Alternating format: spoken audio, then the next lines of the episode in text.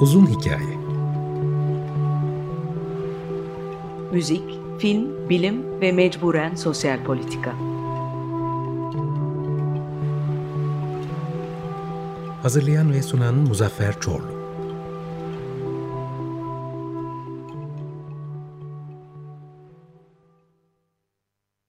94.9 Açık Radyo'dan herkese iyi sabahlar. Yeni yayın döneminde e, tekrar birlikteyiz. Bugünkü konu benim böyle eskiden beri aslında lisede falan çok dikkatimi çeken bir e, titri vardı. Hem MD hem PhD olunca böyle tadından yenmez gelirdi bana o e, bilim adamları. Onlardan bir tanesini buldum getirdim. Muzaffer Kaşar. Muzaffer hoş geldin programa. Yan, hoş yanılmıyorum değil mi? Sen hem MD'sin hem PhD'sin. Evet. Ne, evet. Nasıl bir his? Ee, dışı seni, içi beni yakar hocam. genelde genelde psikiyatri e, alanındakiler de çok oluyor sanki. Yanılıyor mu? Ya da nöro, e, neuroscience psikiyatride daha çok hem MD hem PhD yani hem e, med tıp doktoru daha doğrusu hem de felsefe yapma noktasına gelmiş e, doktorlar genelde bu iki alandan çıkıyor diye düşünüyorum ama bilmiyorum doğru mu? E, bulunulan yere göre değişiyor. Örneğin tabii Cambridge'de ben Cambridge'deyim İngiltere'de. E, Cambridge'de çok kişinin doktorası var ve araştırma odaklı bir yer olduğu için e, beraber çalıştığım klinisyenlerin de e, bir kısmında e, özellikle araştırma yapacak olanlar doktora yapma e, yönüne gidiyorlar. PhD, bilim doktorası ve e, akademik klinik kariyerlere e, doğru yöneliyorlar. E, buralarda biraz daha yaygın ama özellikle hangi alanda ne kadar yaygın onu bilemiyorum. E, tabii e, e, burada gördüğüm kadarıyla örneğin kanser araştırması yapan e, hekimlerde çok yaygın. Çünkü e, işin daha moleküler biyoloji boyutuna falan da iniliyor. Böyle bir sistem var. Esnek bir sistem. Araştırmaya meraklı olup kendini biraz araştırmaya adama yönünde olan insanların izlediği yol. Ben de bu yolda İstanbul'dan kalkıp Cambridge'e geldim. 9 yıl oldu. Ee, şu anda da Cambridge'de çalışıyorum üniversitede. Hem de klinikte e, psikiyatri, e, psikiyatri olarak çalışıyorum klinikte. Üniversitede araştırmalara devam ediyorum. Bakalım şimdi bugün tabii bir psikiyatrist PhD'liyle bir psikolog müzisyen PhD'linin sohbetinden umarım böyle hem e, dinlemesi zevkli hem de e, bir de biraz e, ilham verici e, bir konuşma olmasını umuyorum. Şimdi ben nereden başlayayım istiyorum. Senin zaten şu an sıcağı sıcağına e, en azından e, bu Muzaffer ne yapmış ne etmiş bakalım derken gördüğüm şeylerde ağırlıklı olarak depresyon ve depresyon sırasındaki bilişsel bozukluklar sanıyorum senin üzerinde çalıştığın konulardan bir tanesi belki de en önemlisi. İstersen oradan başlayalım ama konuyu e, filme, müziğe derhal getireceğim. Çünkü e, daha önceden de konuştuğumuz gibi e, Momento gibi bazı filmler aslında bu bilişsel e, ilginçliklerle ilgili insanların yabancı olmayacağı şekilde e, işlenmiş konular. Önce istersen çok üst şemsiye, çerçeve açısından depresyon ve bilişsel bozukluklar dendiğinde bu ilişkiyi çok kabaca nasıl e, uydururuz birbirine? Yani depresyonda e, bilişsel bozukluklardan hafıza, konsantrasyon, karar verme vesaire gibi e, fakülteler nasıl etkileniyor? Nasıl bir ilişki var? E, depresyon deyince insanların aklında genelde üzgünlük, yorgunluk, halsizlik, uyku bozukluğu, belki e, zaman zaman kendine zarar verme düşünceleri de olabilir. İlk ilk akla gelen şeyler bunlar oluyor genelde. Ama e, bizim araştırmalarımızda e, gördüğümüz ve e, literatürde de giderek artan bir şekilde ortaya çıkan şey şu. Depresyonda bu belirtilerin yanında bir o kadar da e, bilişsel işlevlerle ilgili sorunlar oluyor. Örneğin insanlar e, konsantrasyon, konsantrasyon sorunları yaşıyorlar, bellek sorunları yaşıyorlar, dikkat sorunları yaşıyorlar. Ve e, bizim özellikle üzerine eğildiğimiz nokta bu sorunların e, sebatkar yapısı. E, çünkü ilaçlarla veya psikoterapilerle depresyonun belli semptomları e, iyileştirilebilse de bu bilişsel sorunlar biraz daha inatçı e, sorunlar ve e, kişiler depresyondan iyileşseler dahi bunlar devam edebiliyor.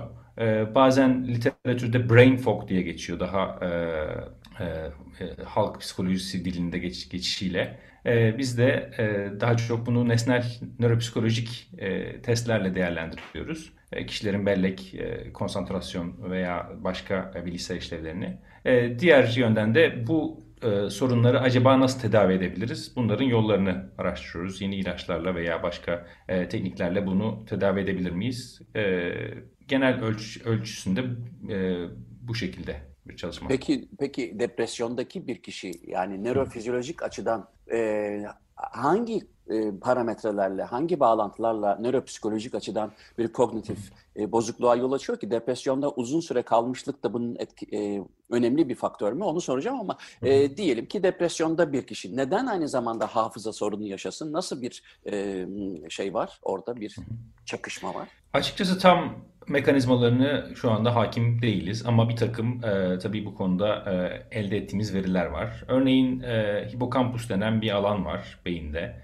E, belki işte Memento filminden de e, bahsetmiştik. Hipokampus e, bazen cerrahi müdahalelerle e, alın, alındığı zaman ortaya çıkan bellek bozukluklarıyla birazcık da e, hipokampusun rolü öne, öne çıkmış. Örneğin hipokampus denen kritik bir beyin yapısı var. E, belleğe açılan kapı diyebiliriz. Bu e, yapı aynı zamanda oldukça e, şekillenebilir bir yapı. Örneğin stresin etkilerini çok e, daha kolay. E, yani şekillenmekten kastım plastisite anlamında. Plastisite, plastisite karşılığı kullandım şekillenmeyi, yoğrulabilirlik. E, daha esnek bir yapı, e, daha moleküler düzeyde veya yapısal düzeyde değişimler olabiliyor stres e, olduğunda. Ve örneğin e, tekrarlayan depresyon olan kişilerde bu hipokampus e, bölgesinin hacminde azalma görülmüş. Bu e, hipokampusun yapısındaki değişimler davranışa da yansıyor. Örneğin e, bazı bellek testlerinde e, performansınız için hipokampusun e, katkısı önemli. E, bunun yanında yine başka hem görüntüleme çalışmalarından hem e, davranışsal e, nöropsikolojik çalışmalardan ortaya koyduğumuz şeyler var.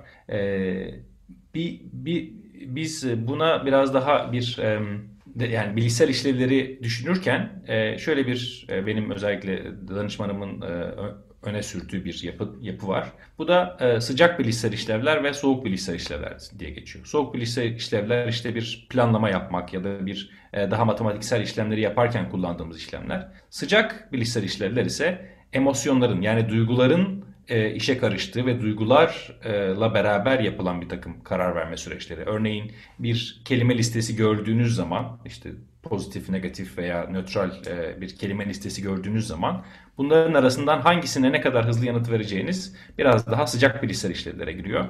Ve e, aslında bu e, beyindeki yapılanmanın hem e, emosyonları işleme hem de karar verme ile ilgili yapılanmaların birbiriyle etkileşiminde bir e, bozulma olduğunu düşünüyoruz depresyonda ve bu e, bozulmaların ve değişimlerin e, sonuç olarak e, bize davranışsal boyutta bu şekilde e, yansıdığını görüyoruz. E, tabii e, yeni yeni araştırma e, alanlarımızdan bir tanesi de örneğin e, vücuttaki enflamasyon e, mekanizmalarının e, beyne nasıl etki ettiği, yine başka hormonal mekanizmaların e, etkisi, stres hormonlarının etkisi e, ve çeşitli kimyasal maddelerin etkisi bunlar hep e, araştırma konularından bir tanesi. E, ama belki biraz daha bu e, sıcak ve e, soğuk kognisyon e, üzerine konuşabiliriz. Çünkü orada biraz daha işin sanata dair olan tarafında Oraya kesin geleceğiz. Ayrıntılı, detaylı e, evet. mutlaka gireceğiz oraya ama ben e, bir şey soracağım. Tersten düşünmek mümkün mü? Mesela hafıza problemi, konsantrasyon, ve karar verme konusunda bazı güçlükler yaşasın bir kişi ama depresyon kaynaklı olmasın. Fakat bunları yaşamasının ötürü depresif eğilimli olabilir mi? Çok iyi bir soru. Ee, bu tabii literatürde konuşulan şeylerden bir tanesi. Genellikle psikiyatride veya davranış bilimlerinde bizim e, makalelerde hemen her zaman ortaya çıkan bir şeydir tavuk mu yumurtadan, yumurta mı tavuktan çıkar diye. Örneğin biraz önce e, örneğini verdiğim hipokampus meselesinde e, yani hipokampusları bu insanların acaba küçük müydü zaten daha önce ya da strese daha duyarlı kişiler mi e, bu tür sorunları yaşıyorlardı gibi e, sorular var. Ama e, giderek artan düzeyde bir e, uluslararası işbirlikleri var. Örneğin işte biraz önce bahsettiğim hipokampus küçülmesiyle ilgili çalışma e, böyle e, onlarca ülkenin bir arada katılıp binlerce kişinin e, beyin taramalarının e, bir araya getirilerek yapıldığı bir örneğin Enigma diye bir konsorsiyum var o konsorsiyumun getirdiği verilerle ortaya çıktı. Dolayısıyla e, bunlara biraz daha e, güvenilir bir şekilde yanıt vermeye başladık. Yani örneğin e, hipokampusla ilgili me- mevzuda e, insanların daha önce buna yatkınlığından ziyade e, ilerleyen dönemde yani tekrar tekrar depresyon yaşadıktan sonra bu tür sorunların arttığı ortaya konmuş. Yine başka davranışsal çalışmalarda e, yaralanma hipotezi denen bir şey var. Yani depresyon tekrarlayan bir sorun olduğu için ne kadar çok depresyon yaşarsa bir kişi o kadar çok bu bilişsel işlevlerde e, etkilenme oluyor. Ve bu da bir yaralanma hipotezi olarak e, literatüre geçmiş durumda. E, hatta daha uzun boyutta acaba hani bu e, bir şekilde e, işte daha uzun vadede e, yaşlılık döneminde bilişsel etkilenmelere e, de yol açabiliyor mu diye sorular da var. Ama tabii orada e, epidemiolojik olarak biraz daha zor. Çünkü depresyon çok yaygın ama e, işte demans gibi hastalıklar çok daha nadir depresyona göre. O yüzden ilişkiyi kurmak o kadar kolay olmayabiliyor. Şimdi sanata ve sanatçıya birazdan bağlanırız demiştim ama bir ara köprü daha atmama izin ver. E, tabii. Konu, bu konuda çalıştığın için belki e, daha doğru bir karşılaştırma olacaktır. Şu iki kelime, iki durum. Depresyon ve melankoli. İkisi arasında bizim tabii yani müzisyen gözlüğüyle ya da sanatçılar açısından e, depresyon e, çok sevmeyiz tabii ki.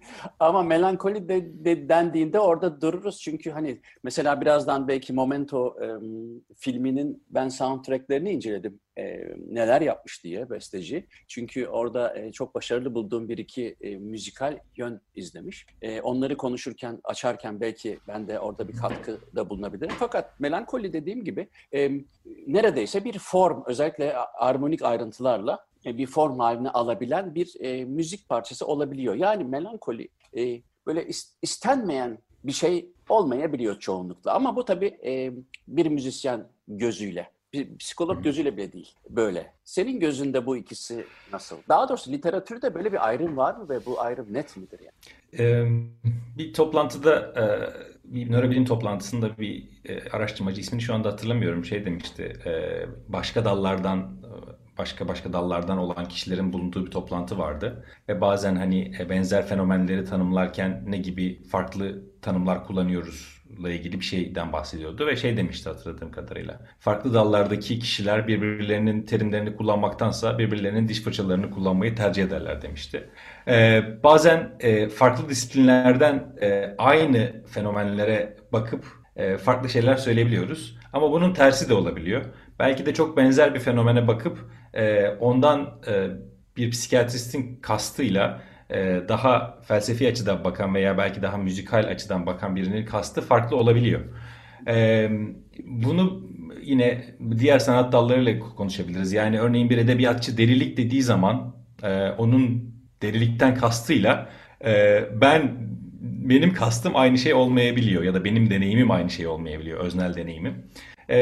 Yani kitabi olarak melankoliden kastımız melankoli aslında depresyonun e, içe çekilme, daha hüzünlü olma, e, yemeden içmeden kesilme, uykudan e, uyku sorunlarının olması gibi semptomlarına denk gelen bir e, kitabi tanımı var melankolinin. Ama tabii tarih içinde her kelimenin ve her tanımın e, seyri farklı olduğu için melankoli de belki başka başka alanlarda başka başka e, yerlere denk gelmiş. E, yani bir klinisyen olarak bir, e, daha çok gündelik hayatta yani e, hem hasta temasında hem de e, akademik tartışmalarda. Depresyondan bahsederken çünkü depresyon çok yaygın bir sorun olduğu için ve depresyon hali ya da depresif hissetme hali e, çok daha yaygın olduğu için herkesin aşağı yukarı depresyonla ilgili bir e, fikri olabiliyor ve herkesin kendi öznel deneyimi farklı olabiliyor. Dolayısıyla biz örneğin İngilizce'de daha çok işte klinik depresyon diye ayırt etmeye yoluna gidiyoruz. Yani hakikaten kişinin işlevselliğini bozan, işte e, işini, gücünü, sosyal hayatını e, daha derinden etkileyen durumlara klinik, klinik depresyon e, deme eğilimindeyiz. Belki de işte yani melankoli bu klinik depresyona eşlik ediyorsa o bizim için hakikaten klinik bir sorun olabiliyor. Ama belki melankoli bir yaratıcılık e, sürecinin içinde o depresif ruh halinin bir parçası e, ve kişinin işini gücünü çok etkilemiyor ya da hayatını etkilemiyor. Bilakis yaratıcılığa katkıda bulunuyorsa o zaman belki farklı bir fenomen. Yani aynı e, fenomen iki farklı yerde, iki farklı konumda e, değişik şekilde karşımıza çıkabilir. Ama yani yaratıcılıkla il, ilişkisi oldukça tartışılan, ol, oldukça yazılan bir şey. Tıpkı hı hı. biraz önce dediğim gibi farklı farklı e, disiplinlerden bir araya gelindiği zaman ya evet multidisipliner olabiliyor, interdisipliner olabiliyor. Bazen de çelişiyor da tabii ama mesela e, bizim e, alanlara, yani ben şimdi doktoramın müzikte olduğundan dolayı müzik tarafından konuşuyorum. E, sinir bilimciler geldiği zaman genellikle e, şimdi ben müzikte master yapacağım, doktora yapacağım daha doğrusu. E, müzikte doktora yapacaksam, e, background'ımda da neuroscience master var, ne yapayım? O zaman hani böyle işte yarım ekmek arası, yani birazcık psikoloji, biraz neuroscience, biraz da müziği nerede birleştireyim ve de ben herhalde böyle bir haftada 3-4 tane böyle bir istekle karşılaşıyorum. İşte... Hı hı. E, bazen hani vapur seferlerinin artmasıyla e, boşanmalar arasındaki ilişkiyi bulmak gibi e, hı hı çok da kıymetli midir diye şüphe ettiğim ilişkiler getiriliyor. Mesela işte piyanistlerde ve gitaristlerdeki e, depresyon endeksi falan gibi şeyler olabiliyor. Ama e, en popüler konu eğer bir kişi müzikteki doktorasını biraz da neuroscience master'ı da varsa buraya getiriyor. Bu böyle şey bizim için artık hani olmazsa olmaz. İlla ki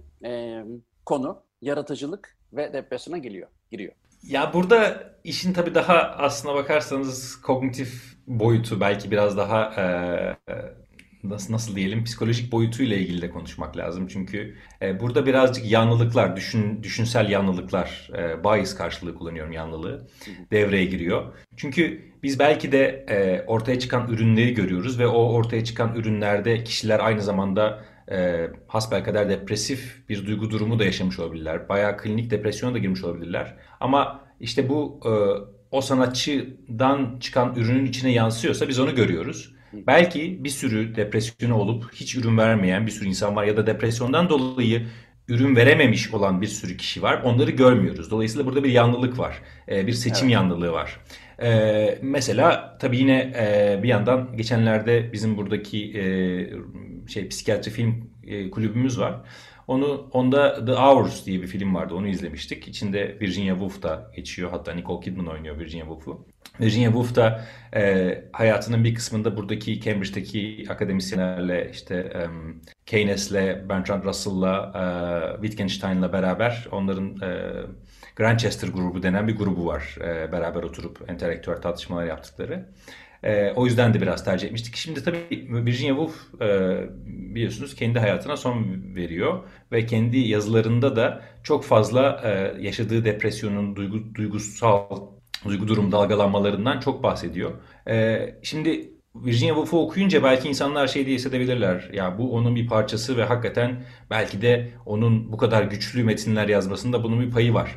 Ama e, belki gidip onu Virginia Woolf'a sormak lazım. Yani bunu bunu ister miydi ya da bunu bu kadar yüceltir miydi diye. E, ya bu konuda ba- başka başka insanlardan da şimdi e, duyuyorum hakikaten e, o depresyonun karanlık noktasında olduğu zaman insanlar o pek de böyle yüceltilecek bir e, durum değil. Ne kadar yaratıcılığa katkısı var ondan da çok emin değilim. Dediğim gibi belki biraz daha seçme yanlılığı ile ilgili bir mevzudan bahsediyoruz. Ben şöyle görüyorum, bilmiyorum katılır mısın? Daha çok mesela e, böyle bir şey geldiği zaman böyle bir araştırma konusu müzik ve depresyon arasındaki ilişkiyi tamam e, mutlaka kıymetli sonuçlar çıkar buradan ama ben aynı bestecide eğer e, bestecilik dönemi içerisinde e, yaşadığı bir akut ya da işte bir depresyonu olduğu zaman e, o dönem yazdığı besteleri diğer bestelerle karşılaştırıp burada e, mümkün olduğunca kontrollü hani e, olması bağlamında e, bir karşılaştırma yapıp depresyon etkisi ve e, kullandığı armoni ya da orkestrasyon olabilir. E, bunu karşılaştırabiliriz. Gerçi böyle karşılaştırmalar var. Bu ayrı bir programın konusu. Hı hı. Ama ya da aynı şekilde Ravel'in mesela işte progresif afazyası olduktan sonraki besteleri işte kimisi diyor ki işte bu böyle çok tekrara götür onu ki işte Bolero'yu o yüzden bestelemiştir falan derler.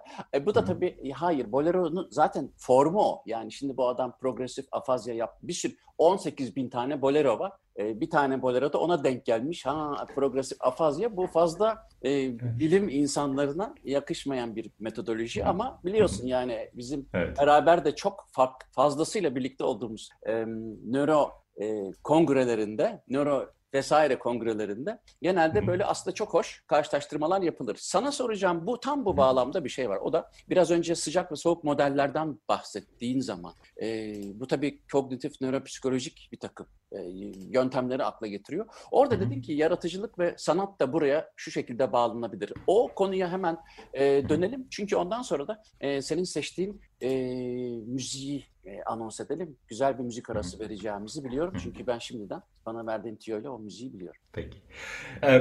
Şimdi kognitif nöropsikolojik modelde bizim daha çok e, incelediğimiz, daha çok sıcak kognisyon dediğimiz e, emosyonların dahil olduğu şeyde bir örnek vereyim.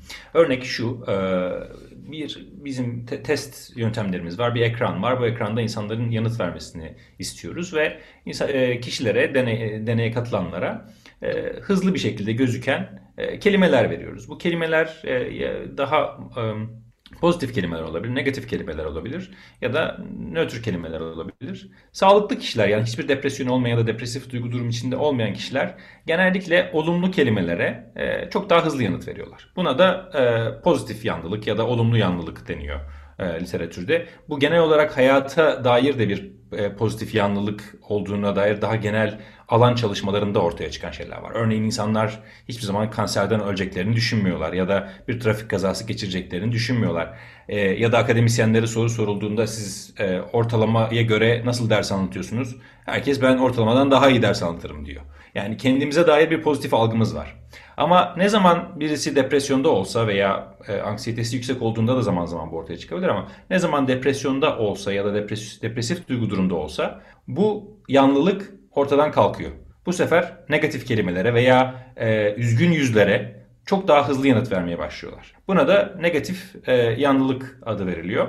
Şimdi ben bunu klinikte de çok kullanıyorum. Klinikte de e, tedavi neye yarayacak ya da nasıl iyileşirim e, konusunda bunu kullanıyorum. Çünkü bu aslında bir çerçeveyle ilgili. Yani dünyaya e, negatif bir perdenin arkasından bakmak gibi bir şey. E, o perdenin arkasından baktığınız dünya belki çok daha e, gizemli olabilir. İşte o bizim e, seçme yanlılığı olan sanatçıların ürünlerindeki gibi. E, ya da belki e, literatürde yine geçen başka bir kelime depresif gerçekçilikle karşı karşıya kalabiliriz. Yani belki yaratıcılığı da ortadan kaldıran bir etken olabilir. Belki bizim o pozitif yanlılığımız dünyaya biraz daha romantik e, bakmamızı sağlıyor olabilir. Çok daha olumlu yönden bakmamızı. Çünkü aslında e, bu alan çalışmalarında ortaya çıkarılan şeylerden biri bakıldığında depresif yanlılık yani bu pozitif e, yanlılığın ortaya kalktığı ortadan kalktığı durum aslında dünyaya daha objektif bir gerçeklikle bakmaya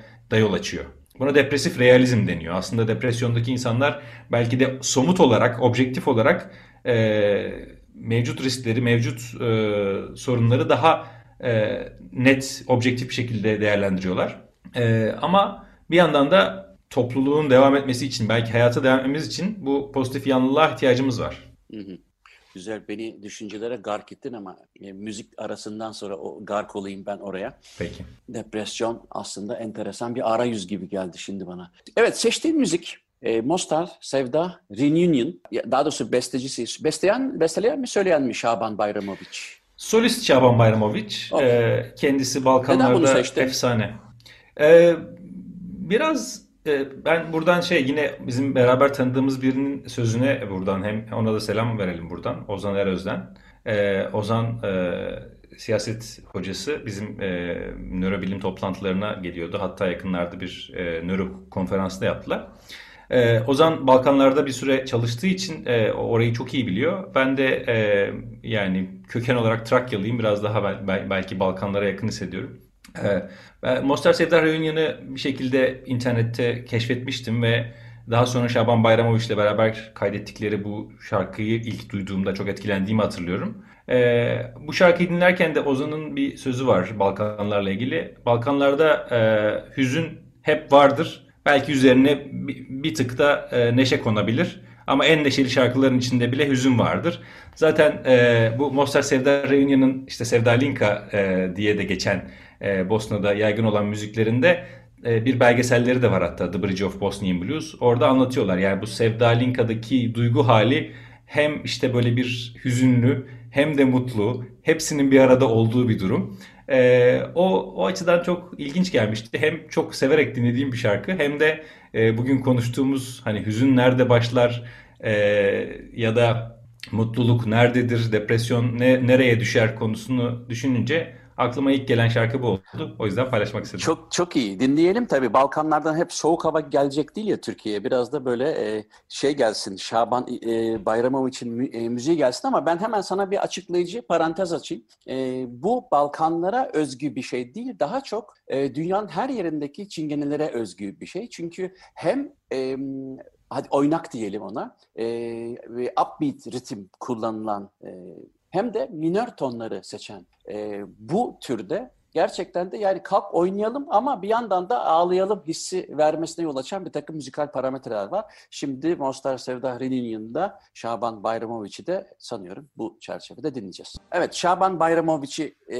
dinledik. Mostar Sevda Reunion. Programda konuğum e, psikiyatrist doktor Muzaffer Kaşar. Bu arada Muzaffer ben senden başka hayatımda hiç Muzaffer'le tanışmadım. Benim anneannemin adı da Muzaffer'miş. İsmimin adı da ismim de oradan geliyor. Fakat anneannem çok küçük yaşta ya yani annem çok küçük yaştayken e, tüberkülozdan hayatını kaybetmiş. Ben tanışmadığım hmm. için hiç Muzaffer diye bir arkadaşım olmadı hayatımda. Bir de Kadıköy'de oturduğum yaşarken e, Bahariye'de bir apartmanda daire tutacaktım. Muzaffer Hanım apartmanıydı. İs, isminden ötürü aa dedim süper ama kısmet olmamıştı. Her neyse o yüzden bana da şimdi benim sen de şimdi İngiltere'de yaşıyorsun. Sana da muhtemelen Muzaffer Kaşar demiyorlardı. Söylemiştin galiba. Muzaffer. Evet. Muzaffer Kaiser'sındır muhtemelen. Evet çeşitli versiyonları var. Ne ben söyleyeyim ne. ama şunun için söyledim. Benim bana arkadaşlarım, beni çok seven arkadaşlarım genelde Muzo der. Ee, burada hmm. da yaşadı, ya Belçika'da da öğrencilerim de dahil Muzo diyor. Çünkü daha kolay öbürsünden. O yüzden ben de dedim ki şöyle bir ağız tadıyla sana Muzo diyebilir miyim ben? Hep 51 yıldır Muzo diye duyuyorum. Bir kere de ben diyeyim yani. Şimdi Muzo sana soracağım soru şu. Ee, ve dilersen de oraya bağlayabiliriz. Ee, bu evet. e, Momento filmi Christopher Nolan 2000 yılında Hı-hı. çıktıktan sonra e, sadece işte Christopher Nolan sevenlerin ya da film sevenlerin değil aynı zamanda bir bir, bir takım tartışmaları da beraberinde getirdi. Sanıyorum e, retrograd amneziyle ilgili miydi? E, öyle makalelere rastladığımı hatırlıyorum. Şimdi e, diler misin senin konunla bağlantılı olarak e, bir çerçeve çizelim ve Momento filmine biraz geçelim. Oradan da çünkü e, bir iki tane sorun var. Ee, ben filmi izleyeli çok uzun yıllar oldu. Hatta Aynen, ben e, de. Film, filmi çok iyi. Ama yani filme gittiğim zaman çok iyi hatırlıyorum. Çünkü ya, o benim e, sinemada tek başıma izlediğim bir filmdi. Bir öğleden sonra seansında Çemberlitaş sinemasında seyrettiğimi çok iyi hatırlıyorum. Ve bir şekilde tek bilet alan benmişim ve tek başıma seyrettim filmi. E, çok etkileyici bir filmdi. E, elbette nöropsikoloji açısından benim genel alanım daha çok nöropsikoloji e, olduğu için e, onun için çok önemli bir yer. Çünkü oradaki kişinin bir beyin hasarı vardı ve beyin hasarına bağlı olarak e, kaydedemiyordu yeni, yeni bilgileri ve her zaman uyandığı zaman tekrar tekrar o e, eski düzen üzerinden kendine verdiği bir takım e, kendine verdiği bir takım ipuçlarıyla hareket ediyordu. Daha fazla hani şey vermiyorum. Şey, spoiler vermeyelim. Yani evet bir e, spoiler olur mu bilmiyorum ama sonuçta bir e, katilin peşinden koşarken bir yandan da hafızasıyla uğraşıyordu. Evet. Seyretmeyenler için e, hani evet fazla hı hı. şey yapmayalım. E, şimdi yine işin nörobilim tarafına gelirsek aslında e, HM diye e, Henry Gustav Molaison artık tabii hayatını kaybettiği için ismini biliyoruz. Çok klasik bir e, hasta var. Nörobilime muhtemelen en çok katkı yapmış olan hastalardan bir tanesidir. Çünkü bizim nöropsikolojide elde ettiğimiz verilerin bir kısmı eskiden geleneksel olarak e, lezyon çalışmalarından veya işte e, ameliyat olmuş bir beyninin bir kısmı çıkmış veya beyninin bir kısmı kanamaya vesaireye bağlı olarak zarar görmüş birisi o bilişsel testleri yaparken e, nasıl bir performans gösteriyor? E bu performansta eksiklik varsa bu beyin bölgesi oraya denk geliyordur. E, bu klasik nöropsikoloji yaklaşımı. E, Oradan çok tabii ki şey e, öğrendik. Hatta bizim şu anda kullandığımız modern e, testlerin birçoğu da e, beyin hasarı olan kişilerde aslında güvenirliği yapılmış testler. E, e, yani aslında Memento'daki kişi bir bir bir modern HM. E, HM'de e, dünyada e, tek belki çok az kişinin o, o yaşadığı bir e, operasyon geçiriyor hipokampustan bahsetmiştik. Hipokampuslarının ikisi birden alınıyor. Hem sağ hem sol taraftaki ve o zamanlar e, bu epilepsi için yapılan bir cerrahi, halen epilepsi için yapılan cerrahiler var. İşte ilaç tedavisiyle düzelmeyen kişiler için. E, ama o dönemde biraz daha agresif ve o zaman etik kurallar da e, yeterince yerinde değilken böyle bir e, şey yapılıyor. E, epilepsi nöbetleri duruyor. Fakat e, o andan itibaren yeni bilgi kaydedemeye, kaydedememeye başlıyor. Böyle bir hayatı oluyor. Yani işte sanıyorum çocuk çocukluk çağında e, yaşıyor bu e, operasyonu. E, 80 küsur yaşında ölüyor. O yaşına kadar hiçbir şekilde yeni bir bilgi kaydedemiyor. E, çok büyük istisnalar hariç. E, böyle bir e, durum var aslında bizim e, nöropsikolojiden öğrendiğimiz ve e, Christopher Nolan da bunu e, çok e, sanatsal bir şekilde e, içine e, filmin içine bunu e, bir şekilde nüfuz ettirmiş. E, hatırladığım kadarıyla da öyle bir e, klinik açıdan veya nö nörobilim açısından da bir e, şeyi yoktu, hatası yoktu. E, çünkü hakikaten e, böyle durumlar var. E, örneğin başka bir durumda şu olabilir. Alkol, e, aşırı alkol kullanımına bağlı olarak e, beyindeki hasar. Yine dediğim gibi hipokampus bölgesinden çok bahsettik. Orası biraz daha hassas ve e, maden madencilerin taşıdığı kanarya gibi. Yani vücutta bir e, sorun olduğu zaman ya da bir etkilenme olduğu zaman ilk hasara uğrayan yerlerden bir tanesi. Örneğin kronik yoğun alkol kullanımında da bu kampüs bölgesi hasar görebiliyor ve e, kişiler işte e, Wernicke e, ensefalopatis denen durumu yaşayabiliyorlar. E, bu da ayrı bir e, konu ama orada da en temel olarak e, bellek işlevleri etkileniyor. Yakın bellek işlevleri etkileniyor. Şimdi tabii Momento filminin David Julian e, İngiliz bir besteci önemli Hı-hı. filmlerinde e, ana temalarını bestelemiş. Ben Momento filminde bir de David Julian'ın e, filme özel yaptığı besteyi de burada e, anmak istiyorum. Çünkü e, filmin o e, insanlar üzerinde kendi hafızalarını bile tazeleyememe hissini vermesi için durağan bir e, armoniyle yarattığı ve arkada kullandığı triklerle bir kalp atışını anımsatan bir soundtrack var. E, e, aslında çok uzun bir soundtrack e, ama e, şöyle bir dakika kadarını ben bir dinleteyim hem de hatırlamış oluruz. Ondan sonra devam ederiz. İşte aşağı yukarı böyle bir şey. Dolayısıyla e, David Julian'ın bu filmde yani Momento filminde e, bu besteyi yapması da bir o kadar önemli. Çünkü ben e, programlarda film ve müzik üzerine, soundtrack üzerine de çalıştığım için e, fazlasıyla konuşuyorum. E, bunu kıymetli buldum. E, tabii sen çok eskiden seyretmişsin filmini. Herhalde müziği hatırlamıyorsundur. E, öyle bir e, aradan kaçmıştır. Peki şimdi e, senin ben bir de şeyini biliyorum. E, bana da çok soruluyor bu soru. Psikodrama e, yaptığını değil mi? Eğitimi aldın en azından. Evet evet. Grup, grup, te, grup terapisi ve psikodrama eğitimi almıştım. Biraz psiko, psikodrama Hı-hı. nedir? Bu da çok popüler bir konu çünkü. E, evet. Senden duymuş olalım. E, psikodrama aslında e, Moreno adlı bir psikiyatristin e, kur, temel kuramlarını ortaya koyduğu bir e, psikoterapi e, yöntemi. Moreno'nun da çok ilginç bir hikayesi var. E, Köstence'den İstanbul'a gelen bir e, şeyde gemide doğuyor. Daha sonra da Avrupa'da işte göçmen kamplarında ilk e, orada e, doktorluk yaparken bu e, yöntemi geliştiriyor ve temelde rol kuramı denen e, rollerin e, değişimine dayanan ve e, insanın psikolojik gelişim boyunca birçok roller aldığı ve bu rollerin e, onların hayatını ve ruhsal e, ruhsal e, dünyasını etkilediği üzerinden giden bir e, bir yöntem ve çokça da e, hareketi kullanan bir yöntem. Tabii çok değişik grup psikoterapileri var. Grup psikoterapileri zaman zaman eklektik olabiliyor, içine başka başka modeller girebiliyor. Ama e, spontanitenin ve e, rol değişimlerinin, hareketin, özellikle yani sözel sözel olanın e, bir şekilde bizi ketlediği veya bizi e, engellediği zamanlar olabildiği gibi e, hareketle e, belki o ruhsal süreçlere daha hızlı bir şekilde erişimi sağlayan bir e, psikoterapi yöntemi. Ben de bunun eğitimini almıştım.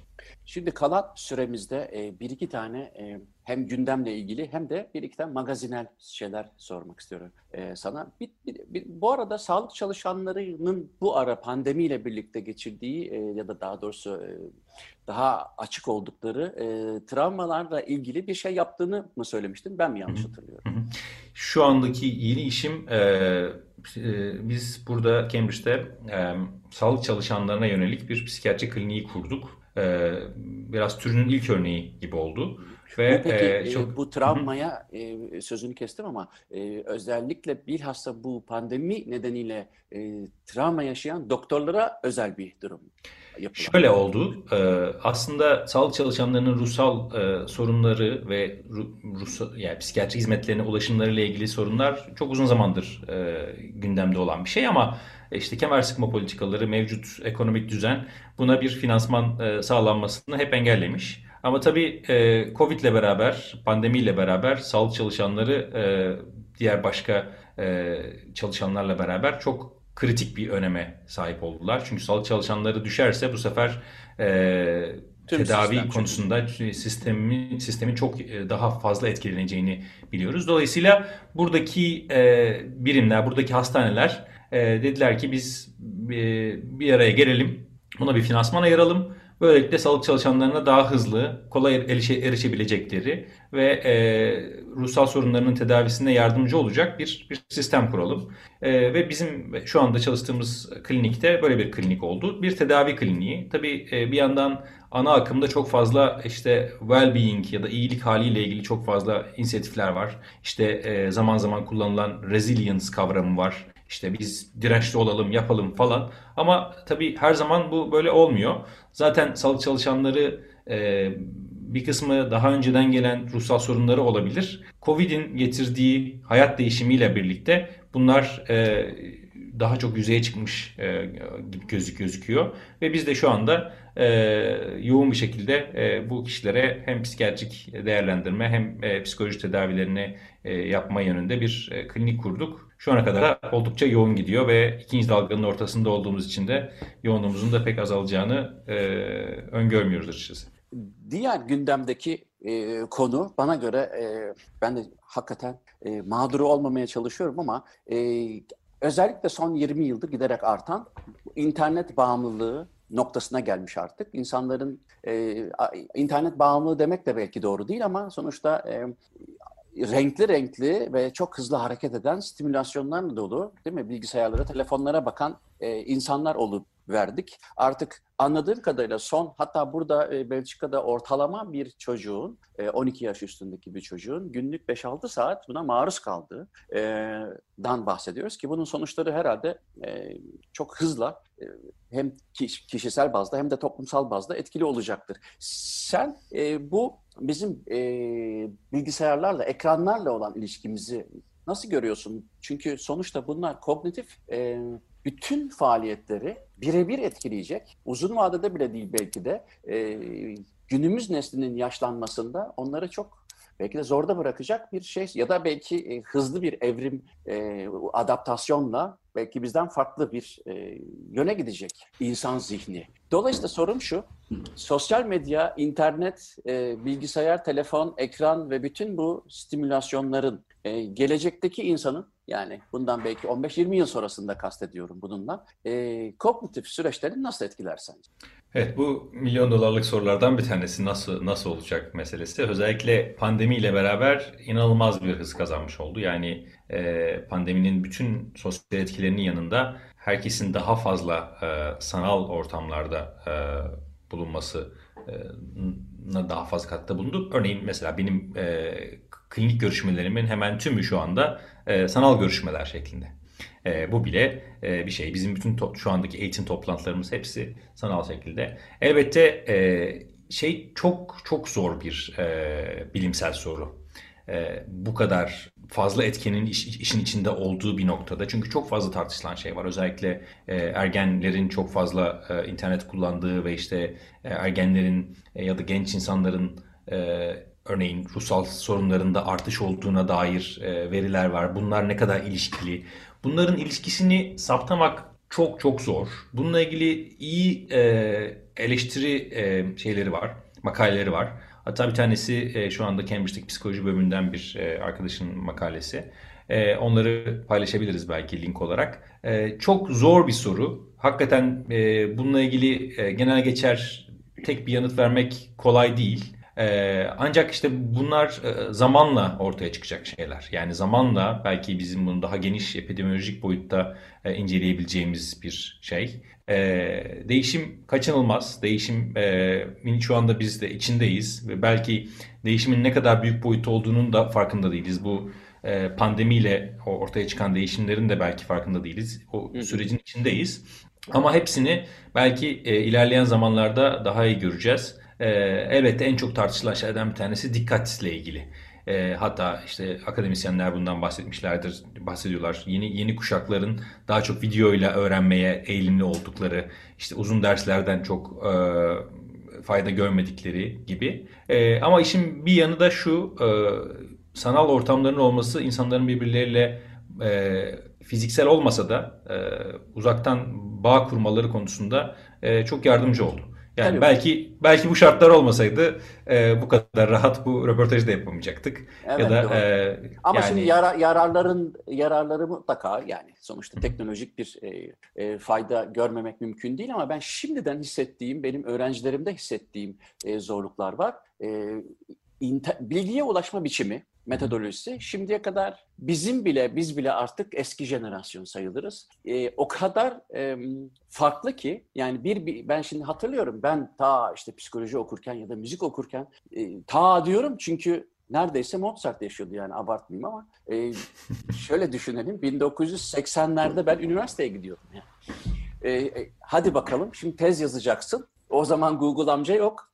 Şimdi e, bunun Dezavantajı var tabii. Sonuçta literatüre ne kadar hakim olduğun, senin e, bulduğun, bulunduğun üniversitenin kütüphanesi kadar sınırlı. Eğer başka bir yere gidemiyorsan. Dolayısıyla şimdi şeyi görüyorum mesela. O ekranın e, sürekli değişen ve renkleri falan böyle canlı canlı olup senin dikkatini çeken kısmını söylemiyorum. O daha belki bir nörolojik e, soruna ileride işaret edebilir. Benim bir yöntem olarak bilgiye kolay ulaşma fakat bunun da suyu çıkmış gibi mesela diyelim ki bir haber, bir belgesel seyrediliyor.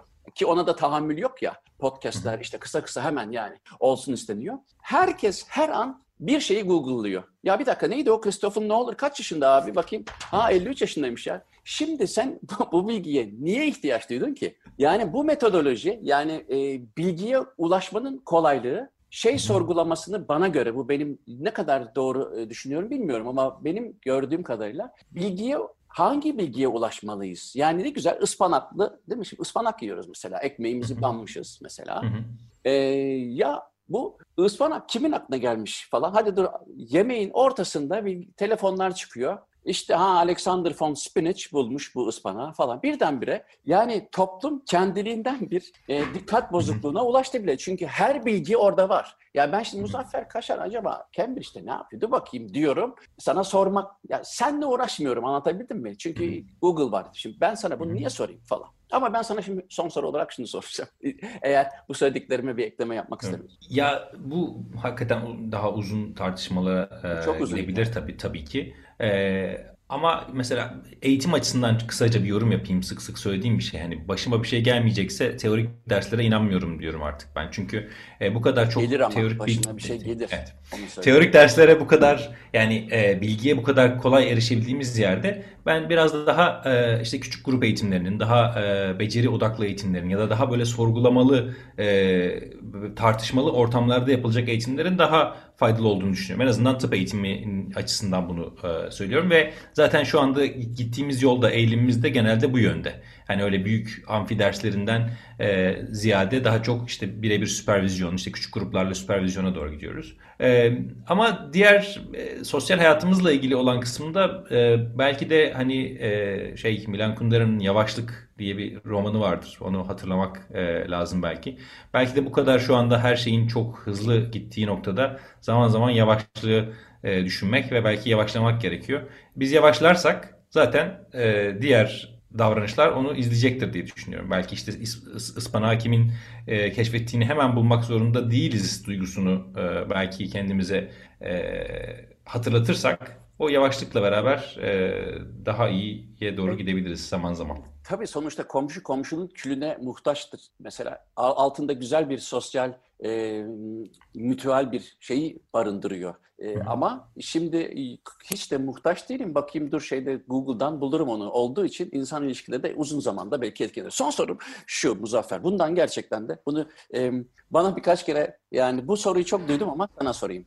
E, benim programlarıma genelde e, nörolog ve psikiyatristler çok konuk oluyor. E, ama bu sana denk geldi bu soru. Şimdi mesela bir dişçinin ağzında protez olması ya da dolgulu dolgusunun olması çok anormal bir şey değil değil mi? Hı. Değil. Dolayısıyla gider arkadaşına dişini yaptır. Şimdi bir psikiyatrist e, kendinde işte bazı e, danışanlarında olduğu gibi ya da bazı hastalarında olduğu gibi bazı semptomları gördüğünde psikiyatriste gider. Mesela ya bende obsesif kompulsif bozukluklar var. E, kendi söküğünü mü diker? Yoksa hiç böyle düşündün mü? Yani mesela bir psikiyatrist başka bir psikiyatriste e, bir dişçinin başka bir dişçiye gittiği gibi e, gider mi? Yani şimdi tam da benim klinik olarak uğraştığım meselelerden birisi bu. Yani e, sağlık çalışanı olanlar hakikaten e, kendi söküğünü dikemiyorlar mı? Ya da şöyle bir soruyla hep karşılaşıyoruz. E, özellikle bu kliniği kurmadaki amaçlarımızdan bir tanesi erken müdahale edelim. Çünkü e, sağlık çalışanları özellikle doktorlar kendileriyle ilgili sorunları o kadar çok erteliyorlar ki başvurdukları zaman ruhsal sorunları hakikaten daha zor tedavi edilir düzeyde oluyor. Ama ben ee, şundan bahsediyorum. Ee, bir e, obsesif kompulsif olabilir, e, psikopat olabilir. Yani e, tam da böyle e, hani şimdi yanlış kelime kullanmamak için çok zorlanıyorum ama e, psikiyatrik bir vaka olabilir kendisi. Tabii, tabii. Ee, şimdi bu çok tartışılan bir konu bir taraftan. Ee, hatta bugün sabahki derslerimizden bir tanesi bizim öğrencilere yaptığımız derslerden bir tanesinde e, işte hani Nasrettin Hoca demiş ya bana bana doktor getirmeyin damdan düşen birini getirin. Biz de e, şeyleri öğrencileri damdan düşen insanlarla bir araya getirip onlarla e, ruh sağlığı sorununu yaşamak nasıl bir şeydir bunu e, tartışıyorduk. E, şimdi yakın zamanda çok fazla bu gündeme geldi. Ya, yaşanmış yani lived experience denen hani e, başından ruhsal sorun geçmiş kişiler acaba hakikaten daha empatik mi olurlar? Hakikaten e, bir psikiyatristin bir başkasını anlaması için e, ya da yeterince empati kurması için oradan geçmiş olması şart mıdır? Bunlar e, sık konuşulan konular. E, ama umarım hani stigma çok önemli bir konu, damgalama. E, ve psikiyatri de bu stigmadan e, nasibini alıyor. Yani sadece, sadece psikiyatrik sorunu olan hastalar değil, psikiyatrik yardımı sağlayan kişiler de bir stigmaya ma- maruz kalıyorlar. E, buradaki Psikiyatri Birliği'nin e, eğitim sorumlusu geçen gün e, bir şey bahsetmişti Twitter'da. E, staja gelen öğrencilerin ilk sorduğu şeyler, ilk sorduğu e, soru şu oluyormuş. Ya burada ne kadar çok normal insan var. Yani e, sanki psikiyatristler e, veya psikiyatride çalışanlar e, mutlaka sıra dışı olmalı, mutlaka bir arazı olmalıymış gibi bir e, beklenti de var. E, yani aslına bakarsanız hani e, çok çokça kişi e, bulunduğu toplumdaki insanlar gibi. Ama tabii işin bir başka boyutu da şu olabilir. E, bazen hani yaralı e, iyileştirici denen bir e, Jung, Jung'un da bahsettiği bir arketip var. Ta işte e, bir sürü e, eski metinlerde de geçen bir şey. E, bizim de bu, bu konuyla ilgili çok e, konuştuğumuz şeylerden bir tanesi. Şimdi de mesela ben klinikte bunu zaman zaman görüyorum. Daha önce travma yaşamış olan çok fazla sağlık çalışanı var. Ve e, bana söyledikleri şeylerden bir tanesi şu. Diyorlar ki ya başkasının derdiyle uğraşmak kendi travmamı düşünmekten daha kolay geliyor bana. Hani acaba o e, yaralanmış olmak bir şekilde başkalarını sağaltmaya doğru giden bir motivasyon da sağlıyor mu bilmiyorum. Ama e, senin soruna yanıt olarak hakikaten bu e, kolay bir iş değil. Özellikle e, psikiyatrideki stigmanın rolü dolayısıyla örneğin birisi kolu kırıldığı zaman doktora çok kolay gidebilirken ruhsal sorunlar için çok kolay gidemiyor ve bu e, işi daha çok geciktiriyor. Bu psikiyatristler için de geçerli. E, psikiyatristler arasında da ruhsal sorunu olanlar e, bunu geciktirme eğiliminde oluyorlar. Ve e, işte dişçinin dolgu için gitmesi kadar e, kolay olmuyor maalesef. Bu da uzun hikaye. Muzaffer çok teşekkür ederim programa katıldığın için. Ben teşekkür ederim ee, Muzaffer. Zaman hemen akıp gitti. Ee, başka bir konuda gene seni ilgilendiren e, konularda yararlanmak üzere sana tekrar başvurabilirim. Çok Şimdiden memnun olurum. Teşekkür ederim. Ee, bana ulaşmak için Muzaffer Corlu Gmail adresine yazabilirsiniz ya da Muzaffer Corlu Twitter account'undan genellikle program ayrıntılarını bulmanız da mümkün. Haftaya görüşürüz. Hepinize günaydın.